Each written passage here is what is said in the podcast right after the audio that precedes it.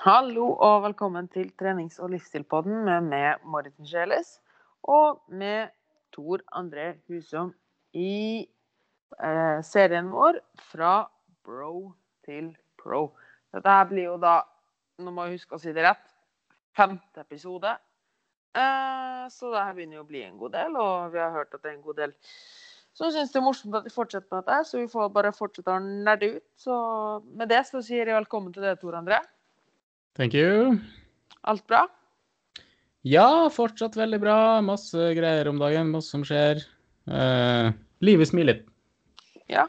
Hva er, det, hva er det som skjer i livet til Tor André? Ja, uffa meg. Det, blant, eh, blant alle hverdagslige ting og barn og greier, så er det jo en del prosjekter på gang da. Mm. Den nyeste i loopet nå er et eh, Se for deg et dashboard uh, for treninga di, der du kan legge inn mål, og mål om alt mulig fra kroppskomposisjon til styrke, utholdenhetsmål, livsstilsmål. Du kan se om treningsbelastninga er for høy eller lav, basert på tilbakemeldingene du gir til systemet. Eh, Du får litt sånn informasjon og pushback på hvordan du ligger an i forhold til å nå målene dine, basert på dine forrige data som du har putta inn. Det er fortsatt et skissestadie, da. Men, eh, og det finnes sikkert lignende system, men jeg tenker at eh, jeg har lyst til å lage noe som jeg har lyst til å bruke, da. Som, jeg, Ja. som, er, som funker for meg, og så hadde det vært veldig gøy hvis noen andre hadde lyst til å bruke det. Det kommer til å bli gratis for alle privatpersoner å bruke det for seg sjøl. Kult. Så det, det Ja, det, er på G. det høres veldig kult ut. Mm. Det blir gøy å se hvordan den utviklinga er nå. Mm. Oi, ellers er alt bra med barna, skulle jeg si. Ungen. Ja, der går det. Det går nå. Det er jo fortsatt litt dårlig søvn, men, eh, men eh, det er mye bedre enn det har vært, så jeg skal ikke klage. Begynne å komme tilbake igjen til det normal, normale livet igjen. Ja, jeg føler meg i hvert fall eh, ikke som en zombie lenger, så det må jo være positivt. Ja, det må jo det. Hva tenkte du at vi skulle snakke om i dag, da? Nei, vi burde vel fortsette der vi slapp i går. Nei, ikke i går, men forrige, forrige episode. Det var jo en eh, fantastisk cliffhanger, var det ikke det? Jo, det var jo for så vidt det. Mm, midt inne i treningsfrekvens eh, eh. Mm. Så det spørs om folk husker det, men jeg får nesten bare gå tilbake igjen og lytte. da. Det er det som er sjarmen med podcast. Mm, vi kan også ta en liten oppsummering, da. Mm. Vil du kjøre på? Ja, vi kjører på. Eh, treningsfrekvens. Hvor ofte bør du trene styrke? Det er jo et tema som er stort og eh, polarisert, med mange som mener mye. Noen mener at du bør trene hver eneste dag, samme muskel hver dag, og noen mener at du bør trene én gang i uka. Eh, og så kom vi fram til at det er veldig mange faktorer som påvirker hvor ofte du kan trene styrke. Og hvis man har lyst til å dykke ned i det, så anbefaler jeg forrige episode. Eh, men kort oppsummert så har vi eh, muskelproteinsyntesen etter trening. Altså prosessen som putter protein inn i musklene etter du har trent.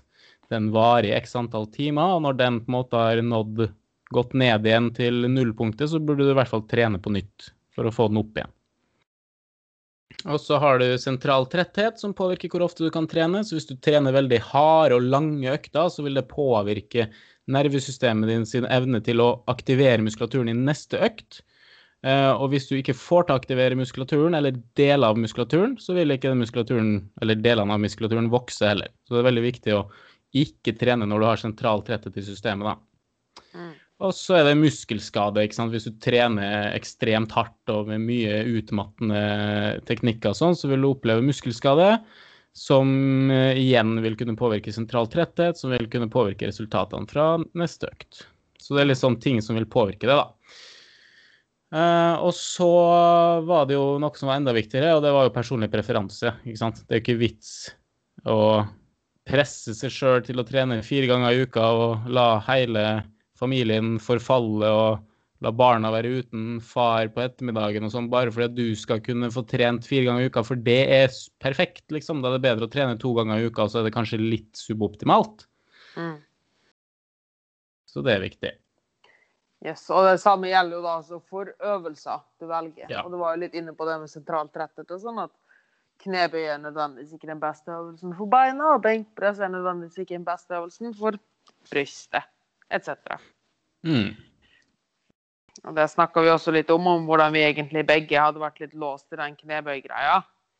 Mm. Eh, til tross for at det kanskje ikke var den beste øvelsen for oss personlig, da, men at det liksom Mm. var state of the art. At det var det du skulle gjøre. Mm. Det er veldig lett å henges opp i at ting skal være så optimalt, og det føler jeg har vært en fin rød tråd gjennom denne serien, at uh, ting må ikke være så forbanna optimalt. Det er bare tull. Og det finnes ingenting som egentlig er optimalt heller, fordi at det er helt umulig for det eller noen andre, og i hvert fall en eller annen sopp sånn som meg som driver og skriver artikler på nettet, helt umulig å vite om alle faktorene som påvirker hvilke resultater du vil få av treninga di. Ikke sant? Du har genetikken din, og så har du innsatsen du legger inn i det, og så har du eh, alle livsstilsfaktorene, og det er så mye at til og med du sjøl, du vil aldri noensinne kunne lage et optimalt program. Og hvis du får det til, så vil ikke det være optimalt for alltid uansett. Så det er bedre å ha noe man trives med, sånn at man kan gjennomføre det over tid, konsekvent. Det er det som er viktig. Mm, Mm. absolutt. Det var egentlig en veldig fin, veldig fin oppsummering. Så, Mm. og i dag så tenkte vi da å gå litt videre inn på treningsfrekvens og intensitet. Var det slik jeg husker det? Ja, eller tren intensitet har vi vært gjennom, men treningsfrekvens og så progresjon. Hvordan Ja, man oppnår progresjon. Ja. Og vi snakka jo litt om eh, det hemmelige forskningsprosjektet, vet du, norske frekvensprosjektet. Mm. Vi kan jo understreke det også, at det skulle liksom bevise at å trene seks ganger i uka per muskelgruppe var mye bedre enn tre. Eh, og så landa vi vel på at vi kan ikke si at det er det, fordi at det var en annen studie som skulle gjenskape resultatene, og den fikk ikke til å gjenskape resultatene. Mm. Og da har vi plutselig en upublisert studie som eh, sier at det er bra, og så har vi en publisert studie som sier at det ikke var noen forskjell, og da har vi på en måte ikke belegg for å si det. Mm. Ja. Og så hva var det vi egentlig oppsummerte med? At eh, ja, fra to til fire ganger per uke. Ja, per muskelgruppe. Mm. Eh, Det var veldig fint, og det aller viktigste var vel bare at du fikk et tilstrekkelig volum eh, i løpet av uka. da. Og Mhm. at det nok mest sannsynligvis er hensiktsmessig å heller ha to enn Altså at det er nok, desto høyere volum du har, desto mer hensiktsmessig er det nok å dele det opp i flere økter. da. Mm. Av det du snakka om med sentral tretthet etc. Mm, og så vil det alltid være slik at eh, høyere treningsfrekvens vil gi bedre resultater så lenge det fører til høyere ukentlig treningsvolum. Mm. Og da må man jo helt tilbake til de tidligere episodene for å, å høre hva treningsvolum egentlig er for noe. For det er ikke gitt at bare fordi du trener oftere, så får du faktisk høyere treningsvolum. Så jeg anbefaler å høre på den episoden også. Mm. Det var jo veldig fort oppsummert, så kan vi jo bare si at, det, at du må ha x antall repetisjoner uh, ut ifra ditt nivå, da. Eh, Nærme ut uh, x antall stimul stimulerende repetisjoner. Og en stimulerende repetisjon er jo da ca. alt som er uh, under fem repetisjoner fra utmattelse. Mm. Cirka, da. Ja. Grov cutoff. Ja, så hvis du, tar, hvis du trener med én repetisjon fra utmattelse i et sett, så har du fått fire stimulerende repetisjoner. Uansett om du tok 8 eller 12 eller 15 eller 20. Mm. Ja. Eh, og så vil jo litt tilbake til det med det, at folk vil ha det optimale, da. Eh, jeg- husker ikke om vi sa det her i forrige episode, men spennende forskning har vist at det finnes en optimal treningsfrekvens som varierer fra person til person. Mm. Ja. Sånn at i jeg og du kan hende at vi responderer helt forskjellig på trenes, altså, trene to ganger eller fire ganger i uka. Men det virker også veldig logisk, sånn sett, fordi du ser jo altså at noen er mye mye flinkere. Jeg husker det for eksempel med samboeren min i Nei, sam, romkameraten min, da, eller samboer, eller hva du kaller det, i Lillehammer. Uh, han var ekstremt eksplosiv, da, og veldig, veldig flink til å gi alt der og da. Uh, og vi var litt mer en seig jævel. Uh, og han kom kjempefint ut av å trene. Altså Han klarte liksom å gi 110% når han skulle gjøre det, da. Mm. Eh, sjeldent. Mens jeg heller var den som alltid gitt 80, da, på en måte. Mm. Eh, og det er nok litt sånn personlighetspreg og litt kroppstype og muskelfibersammensetning etc. At noen Mm. bare er flinkere og klarer å mobilisere alt på en gang, da. Og dem har nok da sannsynligvis eh, fordeler av litt, en litt lavere frekvens, da. Mm. Men sånne som i sånne seige rotter, jeg de bare kan kjøre på litt hver dag. Og Ja, og så er det jo litt med at noen får jo effekt nesten uansett hva de gjør, for de har Mm. bare helt utrolige gener for det her. Jepp. Mm. Han var nok i det sjiktet. Han løfta blyant og fikk dobbelt så stor biceps som det jeg gjorde. ja, ikke sant. Og som vi nevnte i en tidligere episode, tror jeg at eh, eh, Arnold Schwarzenegger som 15-åring uh, Hvis du har sett bilde av det, det er, jo, det er jo helt vilt. Og du har jo han der Ed Cohen, eller hva det var. Ja. Før han hadde løfta en eneste vekt, så kunne han legge seg ned og reppe ut eh, et sett på 130 kg i benkpress. Ja. Første gangen han skulle trene, liksom. Så det Mm. Eller han um, Greg Knuckles. mm. Han la, han la seg vel under en benk og et markløft eller noe sånt og dro opp Husker ikke. Tror han dro opp 300 kilo i mark. Mm. Så, nesten med en gang. Og så Oh, is this heavy? Oh. 300 kilo er litt. Ja, jeg husker, det var et helt ab Jeg husker ikke, men det var, det var et helt absurd tall. Mm. Det er noe som bare Altså Gifted. Mm. Og sånn Mm. er livet. Sånn er livet. Ja, det er det. Man må liksom jobbe med det man har, da. Mm. Og apropos, apropos det, jobbe med det man har. Hvordan, blir man, Mhm. Hvordan kan man jobbe med det man har? Hvordan kan man gjøre seg sjøl bedre? Det er litt det vi snakka ah, om, med progresjon. Progresjon. Ah, nice. Fin Segway. Jeg liker det. Da hopper vi til progresjon. Skal vi se. Ja, progresjon, ja. Har du hørt om eh, Milo fra Kroton? Jeg vet at du har hørt om han. Du har skrevet om han, du. ja. Det er en stund siden, men ja. Ja, hvem var han da? Nei, det var jo en kar da, som syntes det var morsomt å bære rundt på en kalv. Eh, ja. Nei, så det var jo Det er jo da en legende om en fra Hellas. Eller jeg tror det gamle Hellas. Mm, Eller bryter. Jeg, jeg bryter, som da begynte å bære rundt på en kalv, da. Eh, og denne kalven vokser jo. Og når den kalven vokser, så måtte jo også da Milo bli sterkere for å kunne bære den kalven. Mm. Men det skjedde, ah, kalven gikk jo ikke fra en dag til den andre å bli en fullvoksen ku. Men det gikk jo gradvis. Og på samme måte så ble jo da Milo gradvis sterkere. Mm. Og klarte da å bære den kalven med like mye innsats Nei, klarte å så, eh, bære den kua med like mye innsats som han da bærte kalven, da, fordi han hadde blitt sterkere. Mm. Det høres litt kulere ut hvis du sier okse. Ja, godt poeng. Han løfta kua. Nei, det kunne vært en ku. ja. Vi skal ikke kjønnsdiskriminere. Det er kult med ku òg, altså. Det- Du bare ser eh, kona di driver og ser, ser på den, da. Ja, nå er det sånn Jeg mener, ku er bra. Ku er bra. Nei da. Nei, altså, naboen min er ei ku. Så det altså, Jeg mener bokstavelig talt. Den Å, ja. rett ved siden av. Det kan mistolkes. Det kan mistolkes. Det er derfor det er litt gøy å si det. Nei da. Men det er jo den eldste historien som i hvert fall jeg vet om, der systematisk progresjon har blitt brukt for å gjøre et menneske sterkere. Det er jo lineær progresjon. Vanlig lineær progresjon. Mm. Så det er jo spennende. Mm, Hva Vil du si litt mer nøyaktig hva lineær progresjon er? Ja, det er jo litt som den kalven, da. Han vokste kanskje et par hundre gram om dagen. Mm. Eh, og hver dag så løfta han Milo den kalven, og da hadde han måttet løfte et par hundre gram mer, da. Så for hver dag som går, så la han på ca. like mye vekt på stanga, da, hvis vi skal overføre det sånn. Så lineær progresjon er en progresjon der du over tid prøver å bli sterkere ved å legge på mer vekt, og uten å endre noe annet i treningsprogrammet ditt. Så la oss si at du tar fem ganger fem på benkpress, så gjør du det to ganger i uka. Og annenhver uke så legger du på det laveste du kan legge på, som er 2,5 kilo på de fleste treningssenter. Mm. Det er lineær progresjon.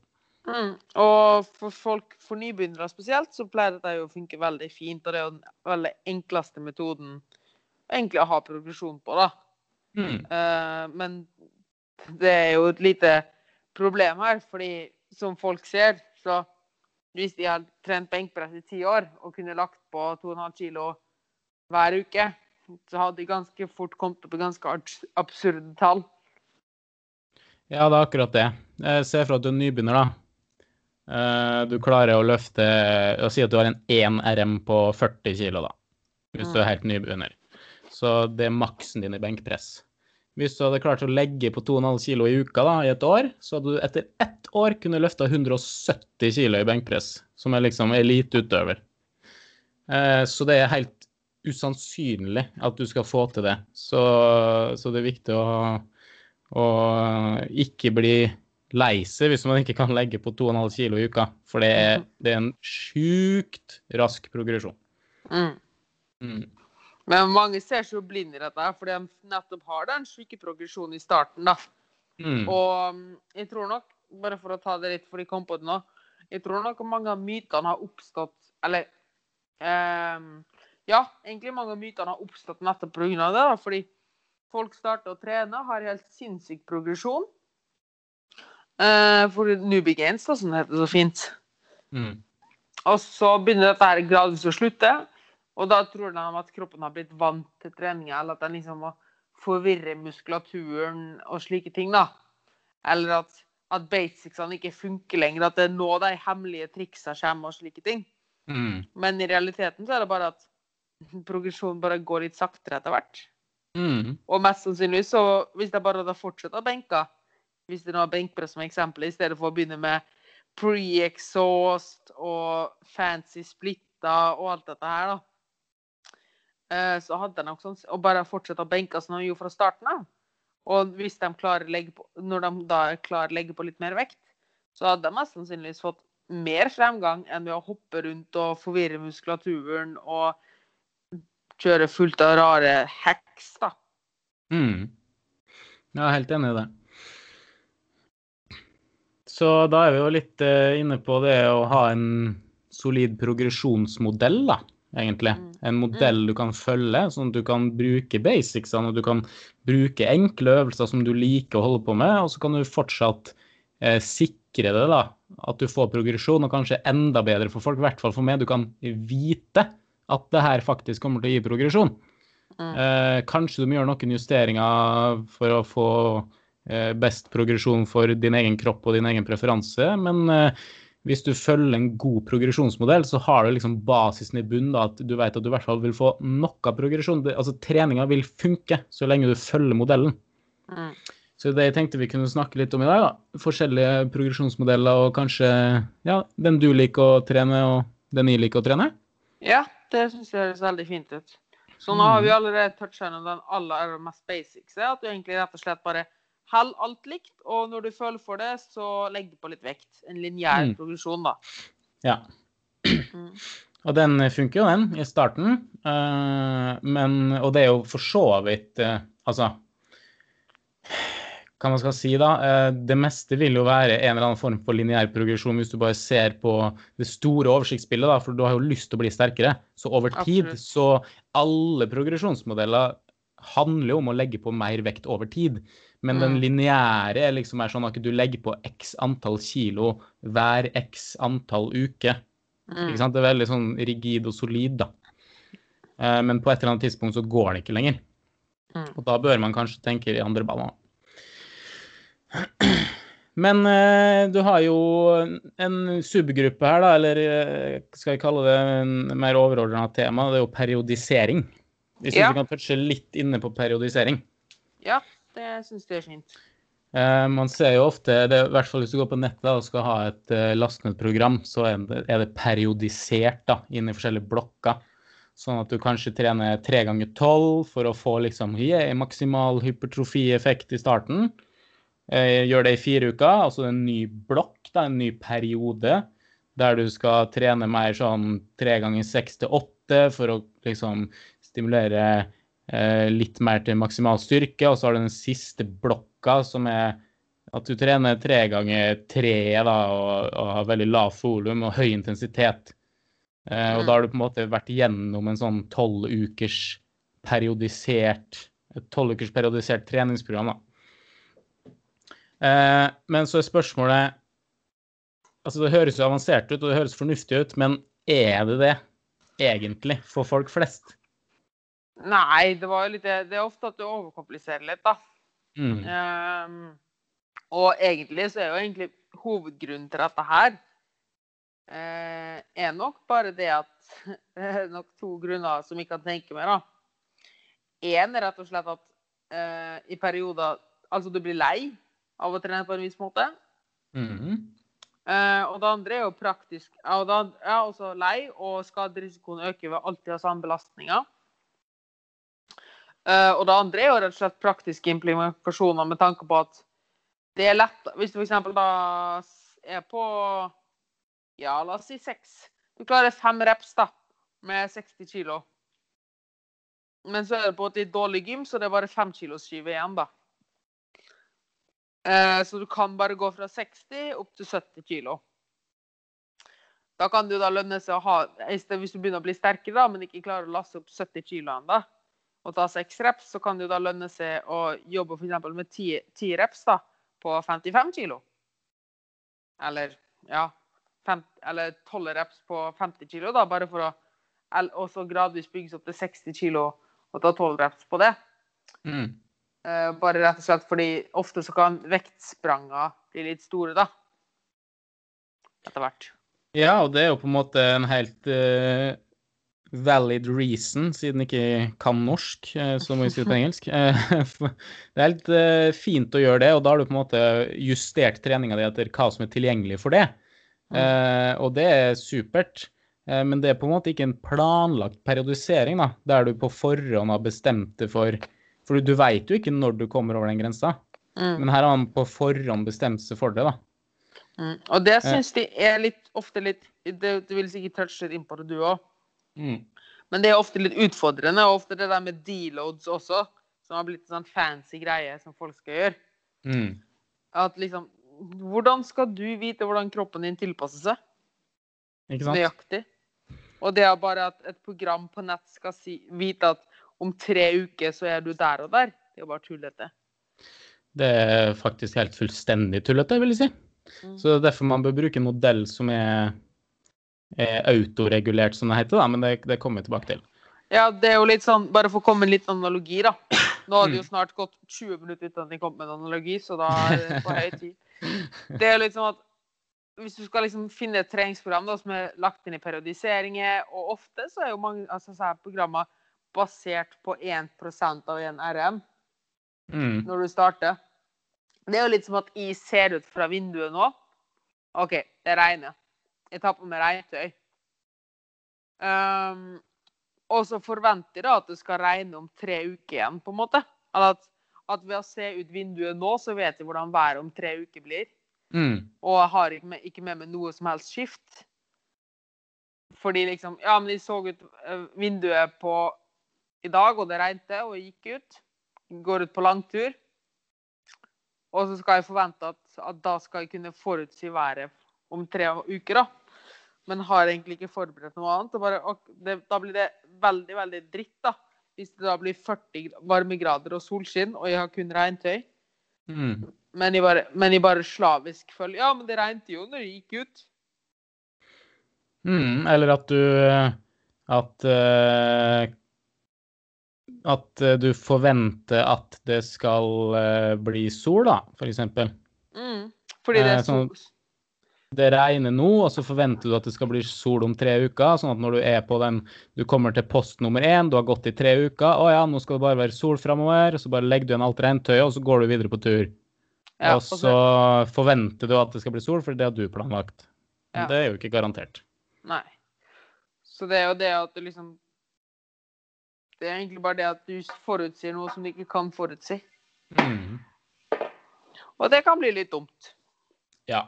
Og det er jo litt det med at periodisering da, er kanskje mer tradisjonsbasert enn forskningsbasert. Og med det så mener jeg at man har liksom gjort det, og så Men- fortsetter man å gjøre det. Ja, og, men jeg tror også at det handler mye om litt sånn, litt sånn fra det medisinske ståstedet også, at før så hadde man et veldig sånn mekanisk syn på mennesket. Uh, jeg tror nok det kan henge igjen litt der. Mm. Uh, at, at man liksom var veldig eh, nøye på å sette diagnoser, og du har det og det, og du har liksom Du har noe feil, du er en maskin som er ødelagt, eller noe sånt. Eh, og ved å gjøre det og det med, den, den mas med maskinen, så vil det funke, på en måte. Mm. Mens Så det er jo litt har- enklere å forholde seg til, og det er jo, det er jo pent å se ting i et system, da.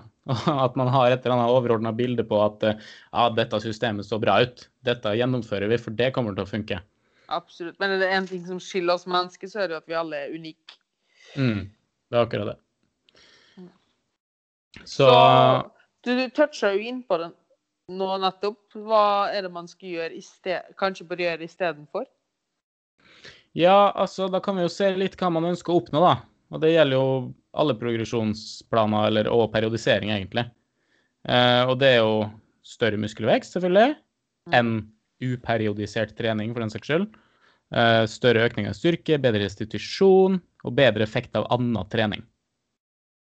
Og bare for å holde oss litt inne i periodiseringa før jeg hopper videre, da. Eh, det kan jo virke fornuftig å periodisere treninga for å oppnå det her, fordi forskjellige øvelser, forskjellige bevegelsesbaner, om du trener eksentrisk eller konsert, altså hvilken muskelsammentrekning du bruker på trening, det vil kunne påvirke hvilken del av muskelen som vokser. Mm. Eh, og da vil det jo virke fornuftig å periodisere treninga slik at man over en periode får trent forskjellige øvelser, ikke sant? og forskjellige bevegelsesbaner. Og forskjellige typer muskelsammentrekninger hvis man, hvis man ønsker det, og det er noe eh, idrettsspesifikt som krever det. da. Mm. Eh, men det kalles jo bare variasjon. Yep. Det trenger ikke å være periodisering. Eh, og du har kanskje hørt om bølgeperiodisering? Eh, hørte om det, men ikke at jeg skal si at jeg er så 100 sikker på det. Jo, Ja, for det var stort. Det var stort i 2015, eller noe sånt. Eh, og det var så stort at det har jeg skrevet artikler på. For, eh, for andre blogger og sånn. Bølgeperiodisering, hvorfor det er så sjukt mye bedre enn alt, uh, alle andre typer periodisering, da. Eh, Ja. Og det handler om at du gjennom en uke kan trene i Altså du planlegger at du skal trene i forskjellige eh, repetisjonsområder, da. Mm. Sånn at f.eks. fullkroppsprogram, så på mandager så trener du eh, fem ganger fem.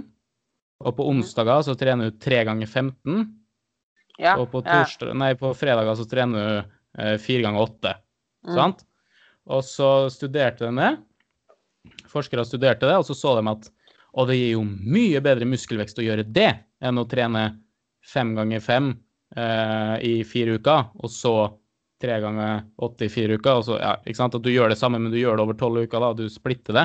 Mm. Det var mye bedre. Eh, men så var det egentlig ikke det. For det har kommet mer forskning som viser at det liksom er Nei.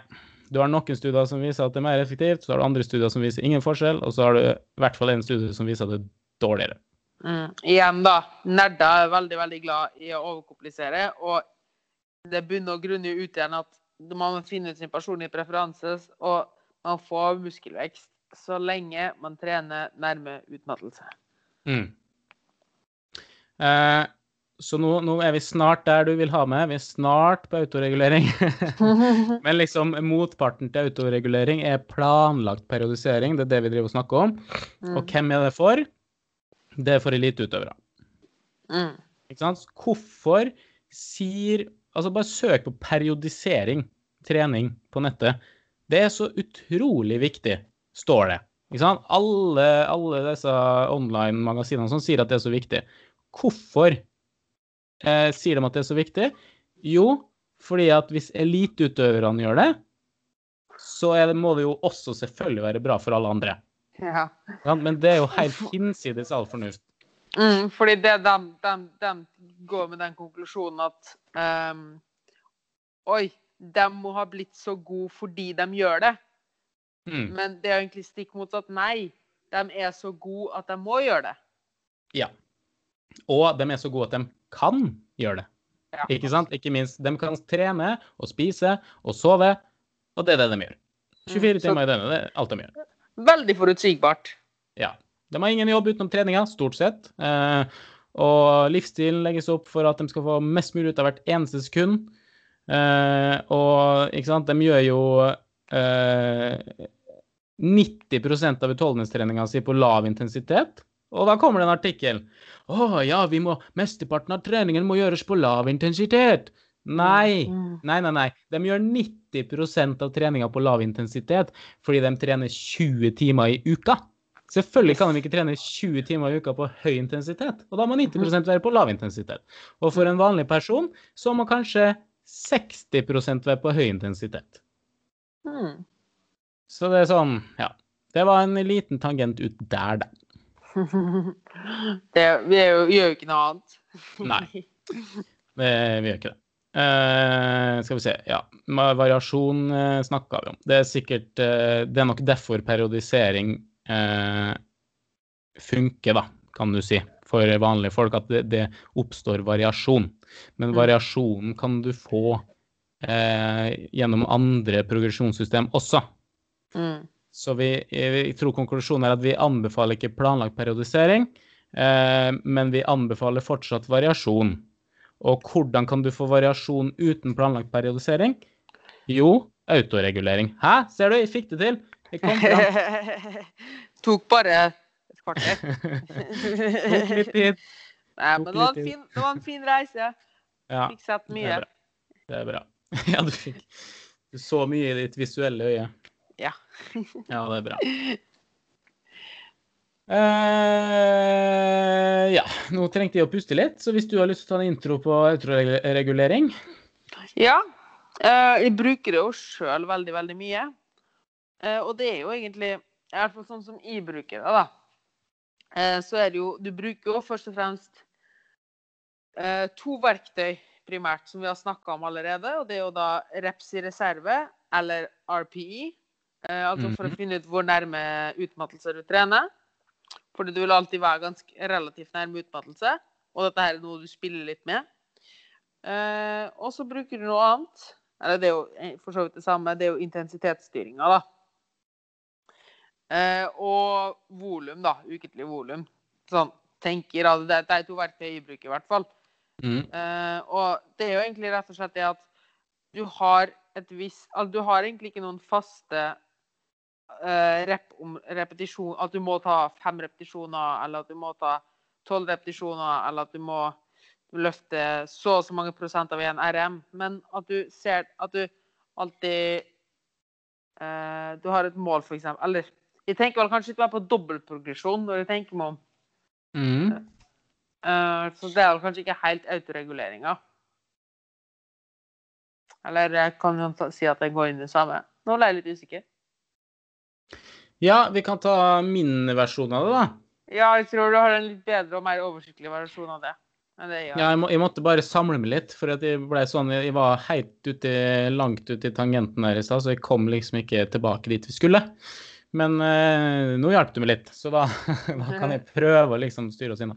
Eh, ja, vi snakker jo om en progresjonsmodell her, ikke sant? Og som ordet Mm. sier, det er en modell eh, som hjelper oss å få progresjon i treninga. Mm. Og det er magien som får styrketrening til å fungere. Eh, hvis du følger en god progresjonsmodell, så kan du trene nesten etter hvilken som helst program i verden og få effekt. Så lenge du er sånn, litt innafor de prinsippene vi har snakka om her, da. Eh, og da får du effekt opp til et visst punkt, i hvert fall, ikke sant. Eh, så et dårlig program blir på en måte ganske mye bedre med en gang du legger på en progresjonsmodell. Eh, Men på den andre sida så blir jo et bra program ganske mye dårligere hvis du ikke følger en progresjonsmodell.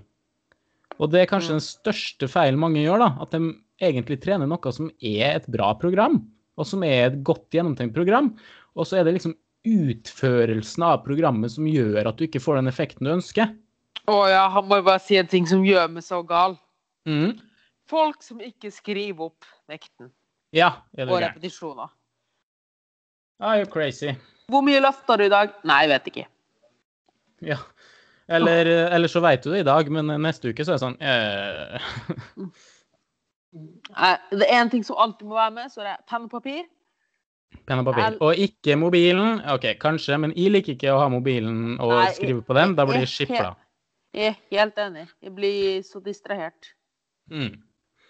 Så penn og papir, eh, eller gjør sånn som eh, meg, kanskje Morris også.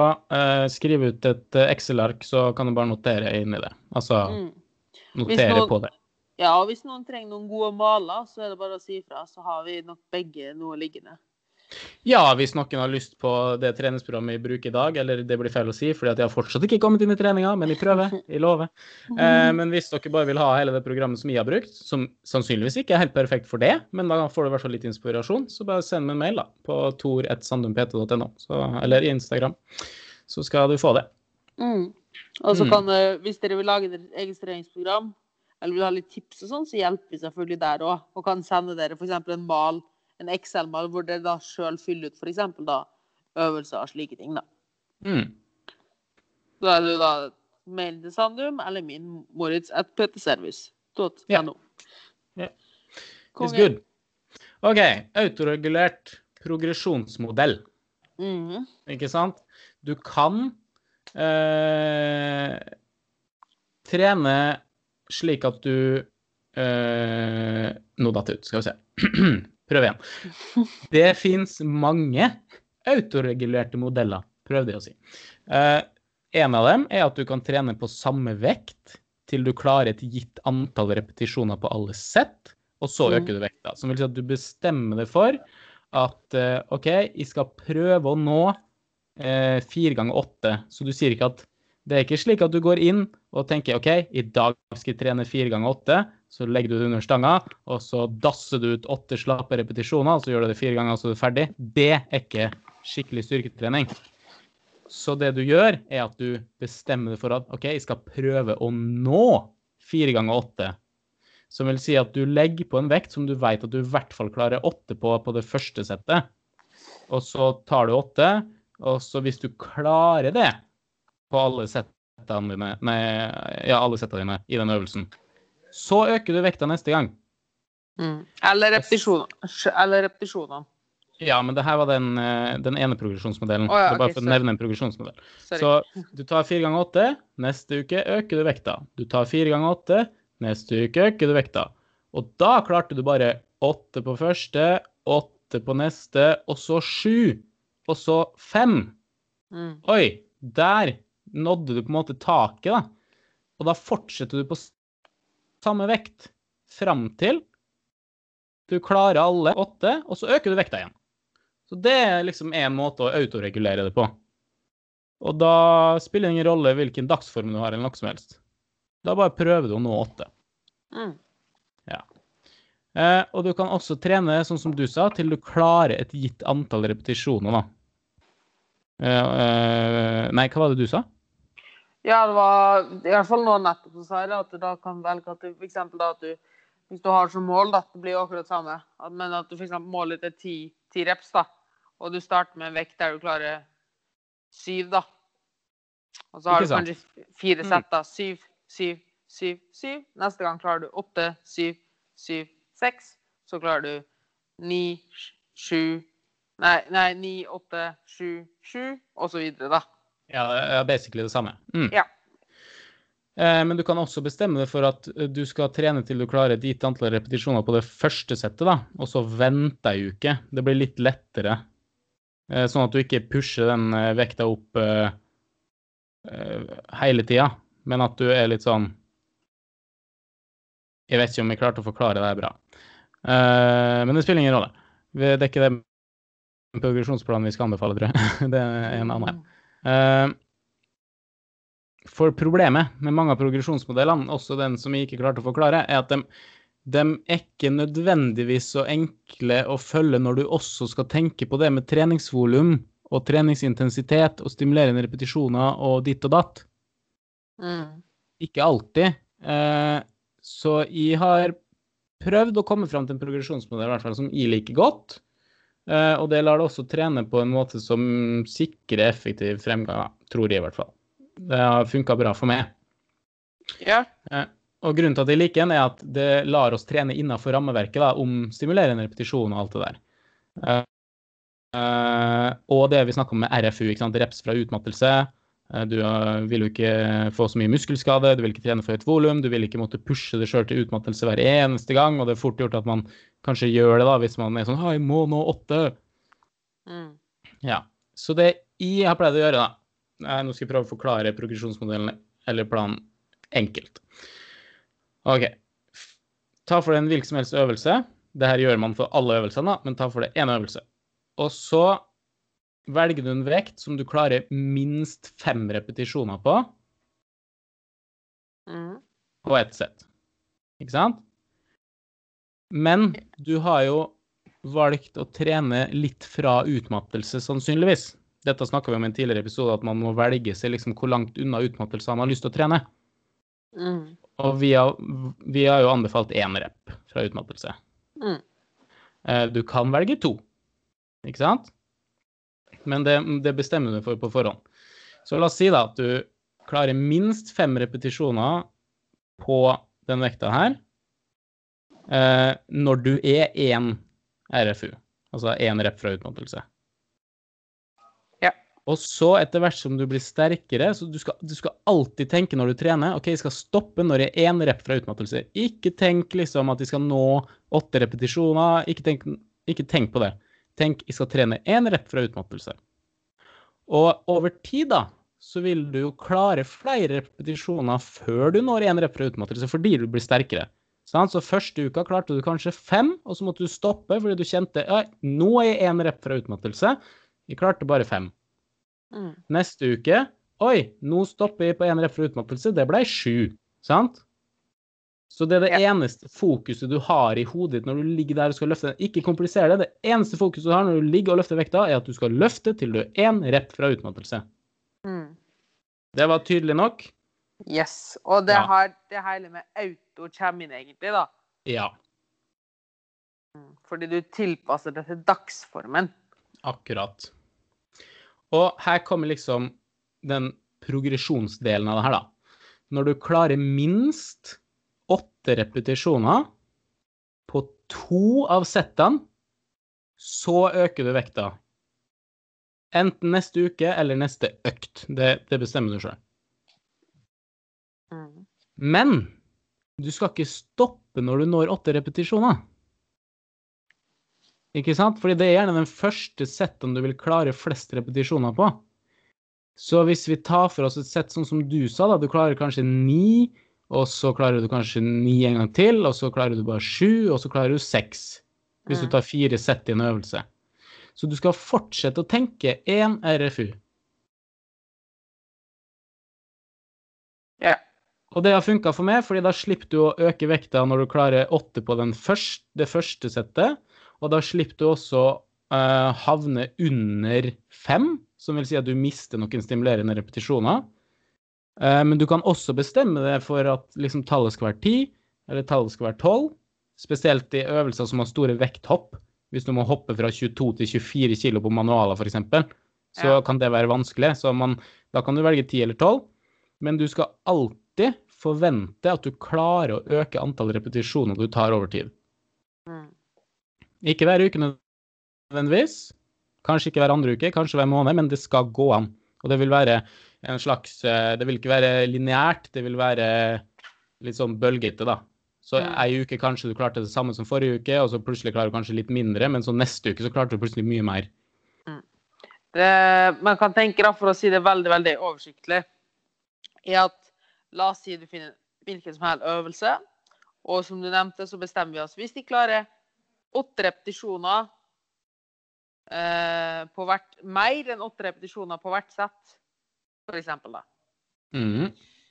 Da skal jeg øke i vekt. Så da vil si at du kan ta eksempel første uka 77, ja, 7766. Eh, altså fortsetter, du, fortsetter du. Men selv om du er på Selv om du klarer ni på første settet, da, og ni på neste settet, men så er du nede på seks på de to neste settene, så kan det lønne seg å heller da, i stedet for å hoppe opp i vekta, at du da venter til du faktisk klarer åtte reps på alle setta med én repetisjon i reserve, da. For eksempel. Det er jo da, Ja. Hvis du har lange, hopp, store vekthopp, da. Mm. Og så har jeg funnet ut at eh, for meg, det er ikke sånn for alle, men for meg så altså, Du kan jo bestemme det for, ikke sant. OK, jeg skal klare åtte, minst åtte på alle settene før jeg øker vekt. Eller jeg Mm. skal klare minst åtte på det første settet før jeg øker vekt. Altså, det velger man sjøl. Men hvis jeg føler at hvis jeg skal klare minst åtte på alle, så er jeg plutselig oppe i 15 på det første, og 12 på det andre, og 10 på det tredje, og 8 på det fjerde. Og da er det sånn, jeg har ikke lyst til å trene med 15 repetisjoner, jeg liker det ikke. Så Mm. derfor har jeg valgt liksom å holde meg til at ok, de to første settene må være minst åtte, da, før jeg øker. Men det er veldig interessant, fordi der er folk ekstremt forskjellige. Jeg er en Mhm. person som klarer liksom alltid, nesten alltid å blåse ut like mange repetisjoner på alle setter. Ja. Eh, men, men da, da, hvis jeg skal ta et sett til, så går det bare ikke. Mm. Altså, hvis, ja, hvis jeg har bestemt meg for at jeg skal ta 10-12 reps, så tar jeg 10-12 reps. Men det er ikke sånn at jeg heller igjen på de første. Det er bare sånn at det, bare, det, bare, det går helt fint. Liksom, selv om jeg går totalt utmattelse og tar 10 reps, liksom. liksom siste repen så klarer jeg sannsynligvis 10 igjen på neste sett òg. Og det er veldig interessant at du sier, for jeg har en litt sånn annen problemstilling. da. Eller det er jo ikke, en, er jo ikke et problem, men jeg har en litt sånn annen greie i pullups, og det er Mm. bare pullups. Der eh, klarer ikke jeg å øke antall repetisjoner jeg tar. Så jeg klarer, Ja. kanskje, jeg klarer kanskje bare seks eller sju. Mm. Eh, og neste uke så klarer jeg kanskje bare seks eller sju. Og neste uke så klarer jeg kanskje bare seks eller sju. Så tenker jeg fader, hva som skjer? Og så prøver jeg å øke vekta. Men jeg klarer jo fortsatt seks eller sju. Så liksom, der kan jeg øke vekta, men jeg klarer ikke å pushe repetisjonene opp. da, Så det kan hende at på noen øvelser, så liksom, hvis du kjenner at du butter mot, da, så kanskje du bare skal øke vekta, for kanskje du klarer like mange neste uke. Jeg kan ikke Ja. forklare hvorfor det er sånn. Det kan jo hende at det går ut på teknikken, og at de får la litt Men jeg prøver jo å ha fullt bevegelsesutslag, og jeg prøver liksom å Så ja, det er variasjoner her òg. Mm. Så det er egentlig minutter av hvorfor vi egentlig vil ha den autoregulasjonen. da. Det er jo rett og slett nett som dere kanskje legger merke til nå, at det er helt umulig å forutsi hvordan det er fra person til person, fra øvelse til øvelse og slike ting. Og Derfor er Mm. det så enormt viktig at du faktisk skriver ned hva du gjør, og ikke bare følg slavisk et program som sier at du skal ta så og så mange reps denne uka, så og så mange vekter denne uka. Det er jo derfor vi f.eks. oppdaterer treningsprogrammer til kundene våre hver uke. Som regel. Eh, hvis man har oppfølging på det, da. På online coaching og sånn. Fordi, fordi vi må se det an fra uke til uke. Det er ekstremt lite hensiktsmessig å lage et program over f.eks. to ja, la oss si tre måneder. da. Med, altså Det går greit å lage et program med øvelser og sånn, men å fastslå vekter og reps utover Mm. tre måneder er helt Mm. latterlig. Men det er jo det sånne online eller sånne, sånne program du kan kjøpe på nett, ja, eller sånne populære program som du kan lese på et eller annet sted, gjør egentlig. da. Mm. Og folk vil jo ha quick fixen som er done for you, men Mm. det går ikke. Det Det går er nest- ikke. Det er nesten sånn at du må skrive ned en liten innsats, gjøre en liten innsats sjøl og forstå hva du løfter. Mm. For det er vel egentlig Jeg vet ikke, du vil jo sikkert nerde ut en del mer om det. Men jeg har ofte den følelsen Jeg leser jo egentlig veldig mye om det, og du har jo nå igjen har du jo Mike Israel, da. Og Eric Helms, jeg vet ikke om du har fått med det, de har jo den der debatten sin, ikke sant? Skal du øke Oi. Det burde jeg ha fått med meg, men det har jeg ikke. Eh, ja. Det er en sånn syk debatt om skal du øke i sett i en mesosirkel. Sirkel. Det blir altfor nerdete å ta det her, da, men de har i hvert fall de driver og kvesser kniver mot hverandre. da. Eh, og det er fullt av ulike progresjonsmodeller, og det er det beste, og ditten er det beste, og gjør sånn og sånn og sånn. Så det er sånn Altså, i bunn og grunn så går det at tren nærme utmattelse, og skriv ned hva du gjør. Sørg for at du øker noe som helst. Mm. Det er vel egentlig det det bare handler om. Basically. Og at du har dine mål og forstår liksom Så lenge du har teorien bak, så finnes det egentlig ingen riktig progresjonsmodell. Mm. Og det er jo derfor den autoregulasjonsmodellen er så fin, da. Fordi det er nettopp det den gjør. Den, den, den eh, setter krav til deg at du må finne ut av det sjøl, at du må lytte på kroppen din og tilpasse ettersom hvordan kroppen din reagerer. Mm. Helt enig. Er det noen andre sånn praktiske applikasjoner som du tenker er lurt Nei, å ha med? altså, jeg tenker at det ble litt mye tall her nå, men jeg, jeg, har lyst til Mm, ja. at, jeg har lyst til å ta litt sånn uke for uke, bare sånn folk kan på en måte prøve å se for seg i hodet hvordan det kan se ut i en øvelse. Mm. Eh, så hvis, eh, hvis folk bare lukker øynene og prøver å se for seg det her, nå kommer det noen tall. Eh, vi kommer først til å si hvilken uke det er snakk om, hvilken Mm. vekt det er snakk om, og så har vi fire sett. Og det bare kan være en tilfeldig øvelse. Så se for deg da at du skal ta benkpress, og du skal ta fire sett. Da har du uke én. Du legger på Mm. 60 kilo på stanga. Så blir det Nå sier jeg bare antall repetisjonene i hvert sett. Seks, seks, fem, fire. Sant? Fordi det eh, i hvert fall er en sånn person som klarer færre repetisjoner utover i settene. Mm. Så uke én så klarte du seks, seks, fem, fire. OK. I min progresjonsmodell, som jeg bruker, så skal jeg klare minst åtte på de to første settene. Det klarte jeg ikke, så da øker ikke vekta. Så uke to 60 kilo. Sju, sju, seks, fem. Ja, mer enn forrige uke, men ikke åtte. Så uke tre fortsatt 60 kilo. Åtte, sju, sju, seks. Ja, åtte, men sant? Åtte, sju, sju, seks. Jeg syns ikke det er en god nok margin for neste uke, ikke sant? Så jeg vil gjerne ha åtte på begge de to første settene. Mm. Så jeg øker ikke vekta. Så uke fire fortsatt 60 kilo. 10, 8, 7, 6. Ah, 10, 8. Begge to første settene var 8 eller mer. Uke 5, 62,5 kilo. 6, 6, 5, 5. Så da er vi nede igjen i rep-området, ikke sant? Så rep-området øker, øker, øker. Og jeg skal øke vekta, og så synker det igjen. Og så øke, øke, øke, øke vekta, og så synker den. Mm. Det er på en måte den autoreguleringsprosessen som jeg bruker i min trening. Funker kjempebra. Mm. Og det er også det som ofte blir kalt dobbeltprogresjon, da. Altså at du øker At du, du er litt fleksibel i repetisjonstallet, og når du har kommet til en viss en grense du har satt deg selv i repetisjonsantall, så øker du i vekt, da. Mm. Ehm, og det du egentlig gjør, da, for hvis folk liksom skjønte litt det Jeg syns du sa det veldig fint. Uh, jeg fikk klart å lage et veldig fint bilde i hodet mitt, i hvert fall. Men nå har jeg jo lest artiklene dine også på nett, så jeg har jo akkurat den i hodet. Mm. Uh, men i hvert fall, da, så Det egentlig han gjorde, da, er at han har Eller det Tor gjorde, var at han fant et eh, Han har funnet for sin del en cap-off, en sikkerhetsmargin, da. At, hvis han klarer åtte på de to første settene, så sikrer han seg sjøl at han ikke går for lavt på de to neste settene. Fordi hvis han eksempel hadde hatt sånn at han for hadde hatt som mål at jeg må bare få til åtte reps i ett sett, og så øke i vekt, så kunne han da endt opp med at han da tar bare tre reps, da, f.eks., på siste settet, Mm. og unnlater da noen stimulerende repetisjoner, at vekta egentlig blir litt for tung da, for han.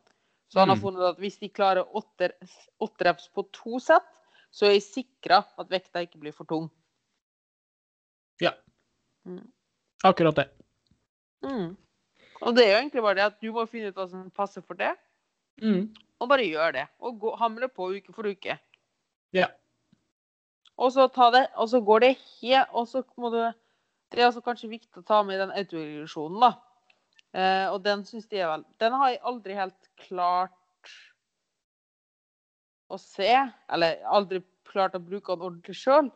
Men det er jo den her med mm, at du kun skal trene Altså at du har et fast antall repetisjoner du skal ta, og en satt reps i reserve, da. Eh, den blir også brukt ganske mye. Så la oss si at du skal ta åtte repetisjoner i knebøy. Det står på programmet. Og du Mm. skal ta åtte repetisjoner med én repetisjon i reserve. Og at du da tilpasser vekta du skal bruke etter dagsformen. Ja, det, det umiddelbart så slår det meg også Det slår meg også som en litt sånn vanskelig ting å gjøre, da. Mm, du må være veldig viderekommende, da. Ja, det må du. Og du må Ja, absolutt. Og du må være veldig stabil i restitusjonen din òg, for hvis du har en dårlig dag, da eh, Altså, hvor mange oppvarmingssett må du ta da for å naile, naile det? Mm. Og hvis du da ikke nailer det helt, og må kanskje senke vekta eller øke vekta, skal du telle det settet som et tatt sett eller ikke? Mm, Det er jo blir- stimulerende repetisjoner der òg. Det blir litt sånn, ja, litt vanskelig. For folk flest så blir det nok veldig overkompliserende. Mm. Så hvis vi bare skal oppsummere det hele litt, da, Mhm. eh, så tenker jeg at det første vi kan si, er at mye av det som er der ute, er nok eh, basert på at mennesket er en maskin eh, som du kan forutsi hva skjer med. Og mye av det er basert på gammelt litt sånn bro-vitenskap, og bare se på å ja, men toppidrettsutøvere gjør sånn og sånn, så da må jeg også gjøre sånn og sånn. Eh, mens det egentlig handler om å finne personlige preferanser, da. Sånn sett. Og at det mm. går ikke an å forutsi hvor mye du klarer å løfte, eller hvordan du skal løfte om tre måneder. Uh, og det beste du mest sannsynligvis kan gjøre, er det vi snakka om nå, autoregulasjon. Og det vil jo da si at i hvert fall den modellen vi vil anbefale, er at du finner et, en øvre grense med repetisjoner. Uh, når du har nådd den øvre grensen av repetisjoner, så, reduserer, nei, så øker du vekta, som da gjør at du klarer mindre repetisjoner. Og så fortsetter du å fortsette og fortsette helt til du når den øvre grensa av repetisjoner igjen. Og da øker du vekt igjen. Og hele veien så trener du ca. med én repetisjon i reserve på hvert sett. Mm. Og det er vel egentlig ikke verre enn det, er det det? Det er ikke verre enn det. Og så ruller vi tilbake til en tidligere episode der vi snakka om det med personlig preferanse. At hvis du kjenner at eh, nå satt jeg med åtte som grense på de to første settene, men det er ikke for meg. Jeg vil heller ha prøve tolv som grense og bare på det første settet. Altså en eller annen sånn greier som det der. Ja, men da gjør du det, da. Det er jo bare å endre programmet og så prøve det. Og hvis du likte det bedre, bra. Og hvis ikke, ja, prøv noe annet. Og til slutt, når du holder på å kjenne, altså kjenne på kroppen og, og på det mentale og hvordan føles alt det her, så finner du noe som føles bra. Og da har du lært veldig mye om kroppen din, slik at eventuelt neste program du skal sette opp, da, så kanskje du bare beholder sånn som jeg gjør. Jeg bare beholder akkurat den samme autoregulerte modellen. Jeg gjør akkurat den samme progresjonsmodellen i alle treningsprogram som jeg lager. Én RFU, åtte på de to første settene, så øker vektene. Og da eksperimenterer jeg med øvelsesutvalg og rekkefølge på øvelser og treningsfrekvens. ikke sant? Så har de funnet ut at ah, da er det ikke den treningsfrekvensen, og så er det ikke de øvelsene. Og så til slutt så bare liksom sitte, da. Og så Mm. skriver du ned. Alltid skrive ned. Mm. Og det er vel egentlig det aller, aller viktigste folk må ta med seg her. Skriv ned. Skriv ned treninga di. For guds skyld.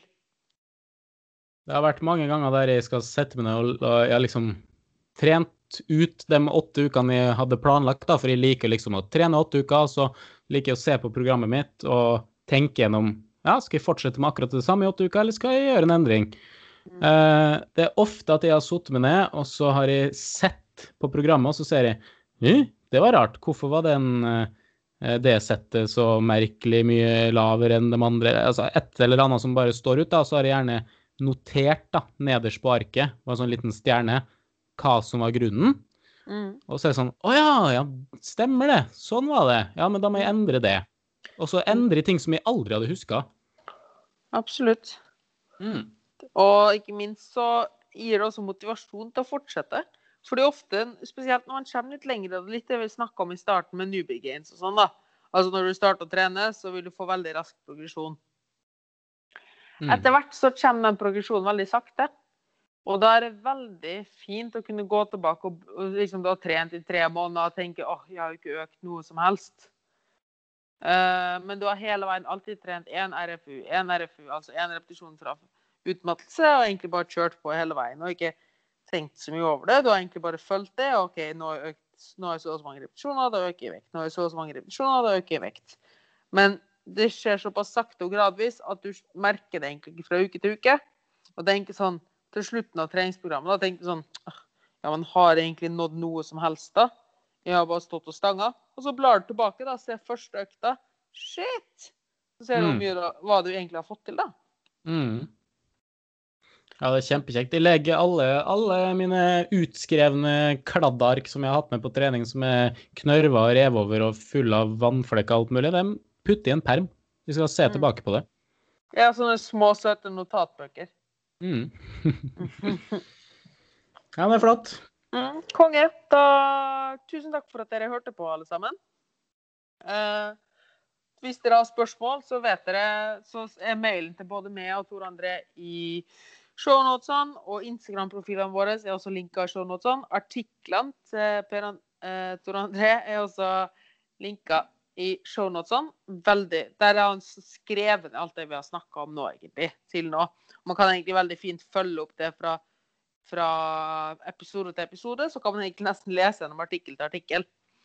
Og Mm. hvis du likte det du hørte, så setter vi enormt stor pris på om du deler det med, med noen andre. Hvis du deler det i storyen din. Kanskje du har noen medstudenter, eller noen som er student på AFPT eller NIH, eller bare noen som vil lære mer om styrketrening. Så del den episoden med dem. Kanskje de har noe nytte av det. Og med det så sier jeg tusen takk for at du hørte på i dag. Og ha det bra til det, Tor André. Ha det bra. Tullu.